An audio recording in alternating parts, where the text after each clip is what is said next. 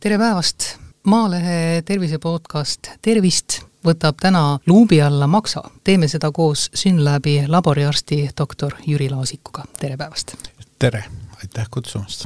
Liis Seljamaa on saatejuhiks. ma arvan, et me kõik teame, et kui Maksaga halvasti käituda nii-öelda, et siis ühel hetkel hakkab äh, Maks ka protesteerima, ehkki ta andestab halva tervisekäitumise osas väga palju ja väga pikalt. kui me räägime nüüd maksast kui organist, siis noh, tema funktsioon ongi, ütleme siis, töödelda ümber kõik see, mis, või aidata töödelda kõik seda, mis inimene siis endale kas sisse sööb või kuidagi teistmoodi omastab see kõik on õige, aga mitte ainult. maks on meie organismi esiteks kõige suurem organ, teiseks temas ei toimu mitte ainult selline organismi puhastamine, vaid temas on väga palju ka muid funktsioone, kaasa arvatud mitmete bioaktiivsete ainete süntees ja, ja üleüldse sellise organismi üldise korralduse regulatsioon mitmesuguste ainetega. aga muidugi see kahjulike ainete, toksiinide, alkoholi, mida iganes kahjutustamine on üks olulisemaid kindlasti, sest öeldakse, et noh, maksas toimub ühes minutis üle miljoni reaktsiooni sellel teemal, nii et ta on oluline meil ja, ja teda tuleb hoida. et kas me võime teda nimetada niisuguseks suureks filtriks? võib, tegelikult mina olen kasutanud sõna suur laboratoorium sellepärast et kui neid teisi kõrvaltegevusi talle ka sinna juurde panna, siis ta ongi niisuguse labori äh, mainega, aga filter on ta kindlasti ja, ja kõik äh, nii ainevahetuse käigus kui ka meil väljaspoolt sisse toodud mürgid, ütleme ka ravimeid nimetatakse ju tegelikult laiemalt mürkideks, alkohol, võõrained, mis ei ole kehaomased ja mis nõuavad ümbertöötlemist, need kõik käivad maksast läbi kui me maksa tervisest räägime, siis noh, me eeldame, et kõik inimesed on sündinud niisuguse terve funktsioneeriva maksaga, eks ole. kui kaua see maks äh, inimesel niimoodi terve ja funktsioneeriv üldse püsib, kui inimene noh, ütleme siis noh, näiteks tarbib mõõdukat alkoholi või ütleme, natukene ebatervislikult sööb või tarvitab näiteks ravimeid, kõiki selliseid asju, mis äh, maksa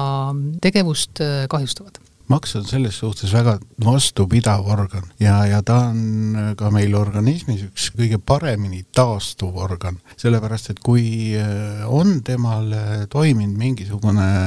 faktor, mis teda tõsiselt kahjustab, ja kui selle faktori mõju nüüd äh, likvideerub, ühesõnaga kas see, jätame selle ravimi võtmise ära või katkestame alkoholi äh, liigtarbimise, siis teatud staadiumini kahjustunud maks on võimeline väga hästi regenereeruma. kui me ikkagi äh, hoiame ennast enam-vähem, hoidume nendest äh, kahjustavatest faktoritest, siis maks peab meil ikka elu lõpuni. elu lõpuni vastu, just nimelt et kui hakkavad vaevused varem, kuskil ütleme viiekümnendal eluaastal hakkavad mingisugused vaevused, siis tähendab, et on kõvasti liiale mindud. absoluutselt, aga maksa puhul peab rääkima ka sellest, et tegelikult eh, ega need maksavaevused eh, sageli ei väljendugi niimoodi väga, et, et kas on valus või, või on ebamugav või mis iganes, sellepärast et maks ei valuta? maks ei valuta on küll see, kui nüüd on äh, sapiteedes, on seal probleemid, sapiteedes on äh, valuretseptorid olemas, aga maksal endal ei ole. noh, muidugi, kui ta on juba niivõrd palju suurenenud, sest see esimene kahjustusfaas on see, kui tekib see niinimetatud rasvmaks ja, ja see siis kipub nagu võib-olla sealt roidekaare alt välja kummuma isegi ja, ja see annab niisugust äh, survetunnet seal, aga, aga ega muidu need sümptomid, maksasümptomid ei pruugi väga varakult äh, ilmnedagi üldsegi mitte nii et kui juba ilmneb midagi, siis on ikkagi asi hull? siis on midagi tõsist äh, lahti tõesti, see on, see on õige, jah miks me sellest maksast üldse praegu räägime, on see, et meil on selja taga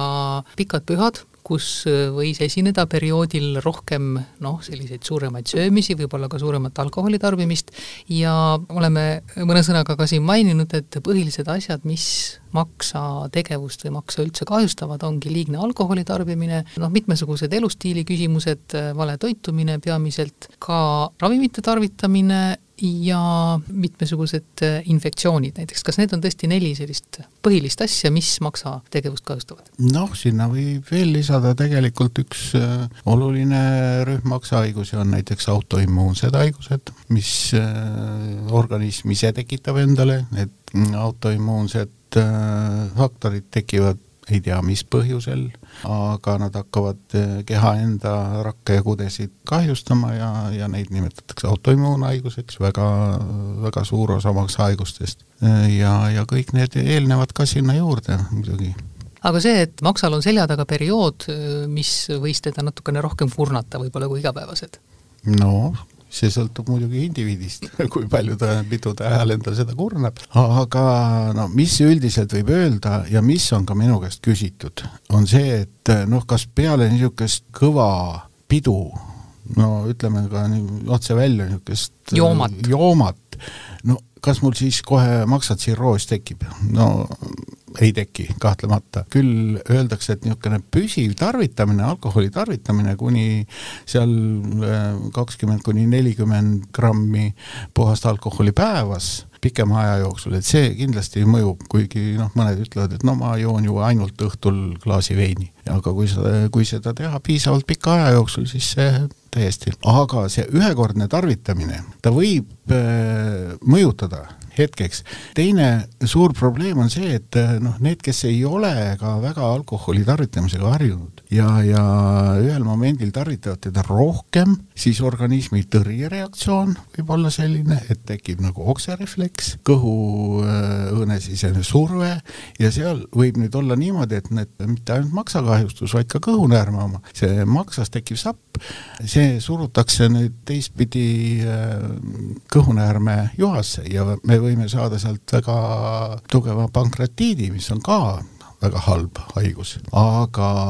see ühekordne alkoholi tarvitamine, kui nüüd edasi ei jätku see, siis äh, üldiselt ega ta äh, väga oluliselt seda maksatervist ei mõjuta. aga pikemaaegne tarbimine, noh, mis see pikk aeg on siis, aastad? just, ma olen jällegi toonud äh, näited selle kohta, siis kui mina õppisin siis meie sisehaiguste professor ütles, et maksatsirroos on küll halb haigus, aga noh, et seda saada, selleks peab ikka pingutama ka. tookord oli siis jutt selline, et klaas viina, noh, ütleme sada viiskümmend, kakskümmend grammi päevas kahekümne aasta jooksul. no see on ikka päris korralik jooma nüüd on natukene tagasi tõmbutud ja võib-olla natuke liiga palju, sellepärast et öeldakse, et noh, ka üks-kaks pudelit õlut päevas kümne aasta jooksul, mis teeb kokku siis mm, selle kümne aasta jooksul sada liitrit absoluutset alkoholi, et see viib tsirroosini no ma seda ka pärast ise näinud ei ole, aga tundub, et see on jälle natukene allpool latti. aga, aga muidugi jah, pikaajaline püsiv tarvitamine ja mitte ainult alkohol. näiteks noh, on, ma olen vaadanud materjale, kus äh, haigla maksahaigustega ja, ja ravitud patsientide osakaal alkoholikahjustusega statsionaaris oli ainult üheksa protsenti, kümme protsenti, mitte rohkem. ülejäänud olid kõik mingi, mingi muul põhjusel tekkinud maksakahjustused ja siin ei tohi absoluutselt alahinnata ravimite osa, sest on mitmed grupid ravimeid, mis, mis mõjuvad. näiteks noh, üks selline paradoksaalne asi on see, et kolesterooli alandavad rohud, statiinid, kui neid püsivalt võtta, need võivad ka anda maksakahjustuse. seenevastased rohud, ka ravid on pikad, ka mõjuvad täpselt samuti. mida noh, üle maailma kindlasti äh, öeldakse, meil võib-olla on tema kasutamine natukene väiksem, paratsetamool, pikema aja jooksul valuvaigiste tarvitamine, jällegi maksakahjustus, hepatiidid, nakkushaigused, no need on väga suur osa. Ja neid on kokku viis meil, A, B, C, D, E, nii et äh, seal neid äh, faktoreid, mis lisaks alkoholile kahjustavad maksa, on palju aga siin peab arvestama ka seda, et äh, vahetevahel on ju situatsioon, kus on seal koosmõju. Öeldakse küll, et ravi puhul alkoholi tarvitamine on keelatud, aga tegelikult osad ikkagi tarvitavad ka seal edasi. teiseks, kui sul on äh, näiteks krooniline C-hepatiit, ise sa ei tea seda, ta kahjustab sul tasapisi makse edasi, alkoholi tarvitad edasi, jällegi koosmõju nii et eh, siin tuleb kõiki neid faktoreid arvestada ja, ja mida rohkem on neid probleeme, neid kahjustavaid äh, tegureid, seda kiiremini me selle olulise maksakahjustuse saame. Kui ravimite puhul, retseptiravimite puhul arst ikkagi enne kontrollib üle, et missuguses seisus inimese maks on, siis üks nii-öelda maksakahjustaja võib-olla on ka viimastel aastatel juurde tulnud, mida on jällegi keerulisem või mille tarvitamist on keerulisem kontrollida ja need on toidulisandid. Need on lihtsalt hõlpsasti kättesaadavad ja kuigi tegemist ei ole muidugi ju mürkidega, muidu neid ju kusagil ei lubatakski müüa, et siis ikkagi nende mõju inimese maksale võib olla ka ettearvamatu või siis inimene lihtsalt pruugib neid üle. see on õige sellepärast, et noh, toidulisandite hulka me arvestame ka ütleme, mitmesugused vitamiinid ja mineraalained. Ja öeldakse, et äh, vitamiinide, mineraalainete tarvitamine nagu ei kujuta otsest ohtu, aga on terve rühm neid toidulisandeid, äh, nagu näiteks noh, bodybuilderitel või nendel äh, jõusaalis rassijatel, kes tahavad, et muskel kõvasti kasvaks, kasutavad anaboolseid steroide anaboolsed steroidid, väga suur oht just maksasisestele sapiteedele ja öeldakse, et väga sageli viib kuni äh, päris äh, niisuguste tõsiste tagajärgedeni, kuni ikteruseni, ühesõnaga see, et nahk muutub kollaseks see, mis on selge märk sellest, et maksaga on midagi lahti. teine asi, väga levinud toidulisand, rohelise tee ekstrakt. Öeldakse ka seda, et mõistlikus koguses, mõõdukal tarbimisel ei ole probleeme aga kui seda üle tarbida, jällegi, mõju maksale täitsa olemas. ja mis on nende toidulisandite äh, probleem, on praegu see, et neid ju on väga palju, et igaüks enda oma saaks rohkem müüa, neid reklaamitakse palju ja see reklaamtekst on seal sageli selline, mis on eksitav. teiseks, seal puudub ka selline kontroll, nagu ravimitel on, need lastakse müügile ilma müügilubadeta äh,, Ravimiameti müügilubadeta. keegi ei tea, mis on need lisaained, mis seal sees on. et see toimeaine võib olla täiesti mõjuta, aga need lisaained, mis seal on, või ka need selle toimeaine metaboliidid või need laguained, ained, mis seal tekivad, need võivad olla maksale kahjulikud. nii et tegelikult enne, kui hakata tarvitama neid kas muskli kasvatamiseks või äh, kõhnumiseks, nagu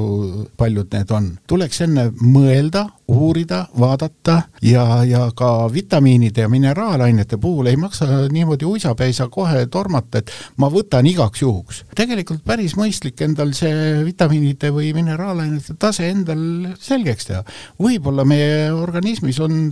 neid täiesti piisavalt, nii et me ei peagi seda võtma et igaks juhuks võtmine ei ole ühegi aine puhul näidustatud. Kui me toitumisest räägime, siis ilmselt on maksa puhul ka seesama asi, mis noh, üleüldse inimese tervise juures, et sedaviisi toitumine, mis inimesele on kahjulik, on ka maksale kahjulik. on. Ja eriti ohtlik on, on noh, siin selline üldine ülekaal ja rasvumine sellepärast, et kui keha rasvub, rasvub maks ka täpselt samuti. gastroenteroloogid ja sisearstid ütlevadki seda, et kui meil on mittealkohoolne rasvumine maksas, selle ravi ongi kehakaalu langetamine, seal ei ole mingeid medikamentoosset ravi, seal on, võtad äh, kaalust maha ja pannaksegi seisma su maksarasvumine. elustiili asi? elustiili asi, absoluutselt. ütleme äh, näiteks seda, et äh, jälgime väga kiivalt oma kolesterooli taset. Tegelikult kolesterool on organismile väga vajalik komponenti, seda sünteesitakse maksas ja, ja selleks on rasvhaped vajalikud ja, ja nii, et noh, me päris niimoodi ilma teda jätta ei saa, aga sellist ülekaalu meil vaja ei ole, sellest väga huvitav oli äh, üks äh, uuring eelmisel aastal, mis tehti Tartu me Ülikooli Meestekliiniku ja, ja Tervise Arengu Instituudi poolt neljakümne kuni neljakümne üheksa aastaste meeste hulgas. Ülekaalulisi seitsekümmend protsenti, neist rasvunud kakskümmend kuus protsenti. see on oht lisaks kõigele muule ka, ka maksale, muidugi on ohtlikud infektsioonidega on selles mõttes natukene keerulisem, et seal on inimesel enamasti väga vähe endal ära teha. kui tegemist on ka autoimmuunhaigustega, millest te juba natuke rääkisite, ka hepatiidi puhul inimene ei pruugi teada või ei pruugi olla ise kuidagi seotud või süüdi oma haigestumisega nii ja naa. nii ja naa nakkushaiguste puhul ikkagi on näiteks noh, B-hepatiit on sugulisel teel leviv, A ja E hepatiit on äh, saastunud käte probleem, kui me ikkagi piisavalt enne sööki käsi peseme ja, ja kasutame seksi ajal kaitsevahendeid, no me saame ära hoida, aga muidugi nende puhul on oluline ja ohtlik on see, et need ägedad faasid, need võivad mööduda nii, et me ise ei saa aru, et see, see oleks tegemist nagu hepatiidiga. noh, on halb olla, palavaki tõus, tavaline haigestumine, eks ole, läheb üle aga ega viirus ei kao maksast ära, viirus kahjustab seda maksa edasi ja siis ükskord äh, aastate pärast avastame, et maksaga on midagi väga totaalselt lahti ja siis alles leitakse, et oi, et mul on A, B, C hepatiit, mis iganes. tegelikult noh, praegu B-hepatiidi osas on asi lihtsam, B ja C ongi kaks niisugust kõige levinumat.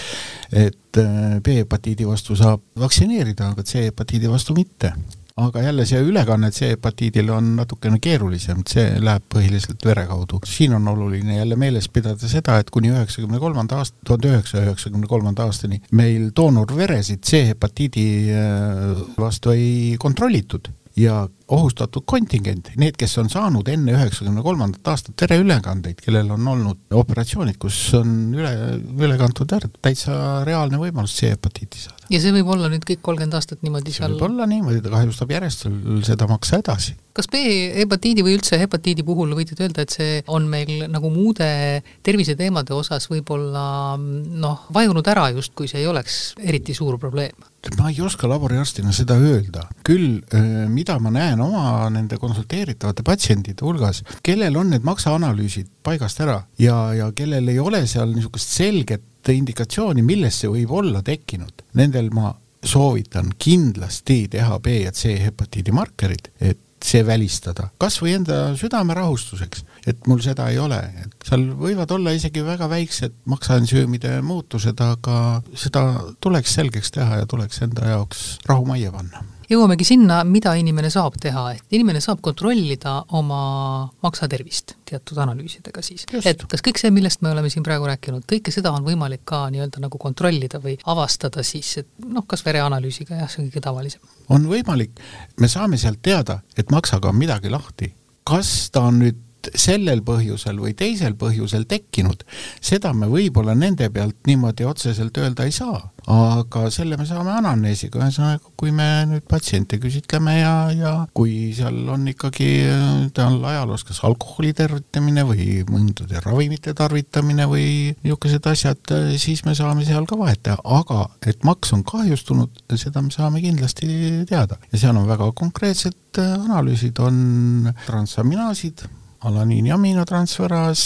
gamma-glutamüülitransferaas, aspartaadi aminotransferaas, siis on alkaalne fosfataas, noh, sageli tehakse ka bilirubiin, see on ka meie Synlabi äh, maksapaketis on olemas, kuigi klinitsistid ehk siis noh, raviarstid ütlevad selle kohta, et noh, bilirubiin on küll niisugune ilus sõna, aga kui patsient tuleb minu juurde ja ta on näost kollane, no ei ole vaja seda bilirubiini teha. ja selles maksapaketis meil on ka C ja B hepatiidi markerid, nii et äh, need on need olulised, mis annavad esimese,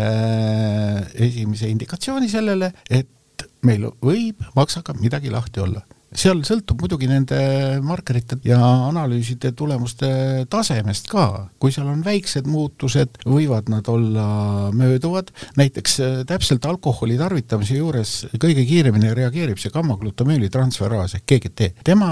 poolestusaeg on kaks-kolm nädalat ja see tähendab seda, et kui me nüüd kahtleme, meil on see GGT kõrgem, et millest ta meil tekkinud on, et kas ta tõesti on mul alkoholi tarvitamisest, katkestame alkoholi tarvitamise paariks kuuks, teeme uuesti. Ja kui siis on läinud see GGT normi, siis on selge, et ta on alkoholist tingitud. kui ei, siis tuleb hakata vaatama, sest tema annab ka maksasiseste sapiteede kohta informatsiooni, kui seal on näiteks sapikivid või, või põletikust tingitud turse kui sageli see analüüside tegemine on mõistlik, ütleme noh, millal oleks mõistlik äh, neid näiteks äh, tegema hakata, kui tehakse analüüsid ära ja selgub, et kõik on korras, inimene tunneb ennast hästi, siis ei ole ju põhjust, ütleme siin lähimal ajal jälle edasi uurida, aga et, et millalgi võiks siis äh, ehk uued teha analüüsid? jaa, tähendab, siin on nüüd erinevus selles, et kas me tahame uurida ainult maksa või tahame kogu üldist tervist uurida. on nii, et alla viiekümne aastastel sobiks noh, paar-kolm aastat vahet pidada ja siis teha niisugune üldisem terviseuuring. kui seal nüüd terviseuuringu puhul on mingisugused nihked mõnedes analüüsides, siis tuleb otsustada, kas seda nüüd aasta pärast korrata või mitte, kui kõik on korras, kolme aasta pärast uuesti, kõik on korras, aga üle viiekümne aasta siis nii naistel kui meestel, tähendab, meestel hakkab juba alates neljakümnendast, hakkab see eesnäärmevähi risk hakkab suurenema. Naistel alates viiekümnendast eluaastast siis luu õrenemine ja, ja niisugused asjad tuleks siis juba tihemini hakata vaatama oleme siin sellest rääkinud, et maks on äh, ka väga hästi taastuv organ ja teatud asjade puhul ei olegi sekkumiseks muud vaja teha, kui halvad asjad ära jätta. aga meditsiin on arenenud niimoodi, et saab midagi ette võtta ka siis, kui see oma maks tõesti enam hästi ei funktsioneeri, makse on võimalik ka siirdada, ta nii-öelda nagu kasvab ise juurde ja nii edasi, nii et selles mõttes on tegemist ka väga sellise fantastilise organiga. on, äh, aga nagu väga selle siirdamise peale ei maksa loota. jah, ei maksa loota, et keegi annab mulle uue maksa, eks ole. kahtlemata, no siis on maksa tööga ikka täiesti lõpp kui, kui meil on juba siirdamisvajadus. no Eestis on äh, viimasel ajal on see maksa siirdamiste tase on väga ühtlustunud. ta on mitme aasta jooksul olnud äh, niimoodi üheksa-kümme maksa aastas, et neid ikka on aga lihtsam on tõesti, et kui me avastame endal selle maksa probleemi, olgu ta siis analüüsidega või juhusliku kontrolli käigus ultraheliga, näiteks on mõni muu ultraheli ja, ja, ja ultraskopist ütleb sulle, et äh, sul on nüüd tõesti see maks on suurenenud ja rasv maks on seal ja vaata, et mis selle põhjus on ja kui seal on selline äh, eemaldatav põhjus, olgu see siis alkoholi tarvitamine või, või kehakaal, lihtsam on sellest loobuda, kui oodata, et noh, äkki keegi mulle annab maksa, kui ma panen ikka edasi. Ja tegelikult alkoholismi puhul on see väga raske, sellepärast et noh, kui sa ka niisugusele alkoholi kuritarvitajale ütled, et tal on maks läbi, no ega ta ei jäta seda alkoholi tarvitamist ja, uue maksaga samuti mitte? ja uue maksaga samuti mitte. Ja ma olen ikka võrrelnud seda alkoholi tarvitamise puhul just ka piltlikult öeldes haiglaga. Kui meil on haigla, töötab normaalselt, seal on eraldi osakonnad, igaüks tegeleb oma asjaga, seal on õed, arstid, sanitarid ja siis järsku töökoormus suureneb. Kõigepealt võib-olla ühes osakonnas, noh näiteks koroona puhul, tuleb sinna ports äh, koroonahaigeid, nii, töö intensiivistub natukene, aga me saame hakkama, nii, tuleb rohkem neid, on juba raskusi, päevad lähevad pikemaks, õed-arstid väsivad, nii, tuleb veel rohkem, osa osakondi pannakse kinni, nad ei suuda enam oma asjaga toime tulla, õed hakkavad ära minema, see on praegu meil juba näha, nii, arstid veel ei ole, aga kui see asi läheb veel hullemaks, noh piltlikult öeldes must stsenaarium, arstid lähevad ka ära, jäävad alles ainult äh, sanitarid. Ja praktiliselt üks profiil haigeid see on täpselt nii nagu alkoholi puhul. kui see alkohol järjest, järjest tuleb juurde, need maksa normaalsed funktsioonid jäävad tahaplaanile ja see alkohol haarab selle, kogu selle maksa. ja lõpuks meil ei ole enam haigla, meil on vanadekodu, meil ei ole enam maksa, meil on tsirrootiline maks. Kui me oleme siin halvadest asjadest rääkinud, siis midagi head peab ka ilmselt olema, mis maksale meeldib noh, kõige lihtsam on muidugi see, et kuivõrd äh, inimene ise ikkagi oma tervise hea käekäigu eest peaks kõigepealt seisma, et äh, jättes need halvad asjad ära, mis sinust sõltuvad, äh, siis need halvad asjad, mis sinust ei sõltu, ei kahjusta sinu tervist nii palju enam, see on üks lahendus, aga lisaks sellele, mis on siis see hea, mis võiks ka veel maksa aidata no väga paljud küsivad, kuidas suhtuda nendesse maksa toetavatesse looduslikesse toidulisanditesse. seal kahtlemata on osa, mis maksa toetavad, on osa, mis võib-olla mõjuvad vähem, aga noh, seda ma võin öelda küll, et need, mis on otseselt maksale suunatud toidulisandid, et nemad ikka halba maksale ei tee. aga kindlasti, mis on hea, on äh, normaalne tasakaalustatud toitumine, noh, öeldakse, et organism ei kahjusta ainult see hulk alkoholi, mis meil jääbki kasutamata, et me üldse ei tarvita, et siis, siis meil ei ole alkoholi halba mõju. et alkoholi mõõdukas tarvitamine, nagu ma ütlesin, et noh, selle olulise kahjustuse jaoks on vaja seda ikka natukene suuremates hulkades ja pikema aja jooksul. ega seal väga palju ei olegi, tervislik eluviis tervislik eluviis, nii nagu üldise tervise kohta, ega seal maksal mingeid niisuguseid erilisi äh,, erilisi nüansse seal ei ole, et, et seal võivad kõik ülejäänud asjad ka mõjutada, näiteks kui me noh, ei pööra tähelepanu oma vererõhule, ka kõrge vererõhk võib edaspidi, võib äh, maksaprobleeme tekitada. väga oluline asi on kasvajad mitte kasvaja enda kolle, maksakasvajaid, otse maksakasvajaid on väga vähe aga sageli räägitakse ju siiretest, metastaasidest, mis maksas on. kõik need asjad ja kui me, kui me suudame kogu oma organismi hoida ikkagi tervena, see hoiab ka meie maksa terve hea asi on tervisliku eluviisi juures see, et äh, ühelgi inimesel ei tohiks olla mitte ühtegi takistust selle harrastamiseks.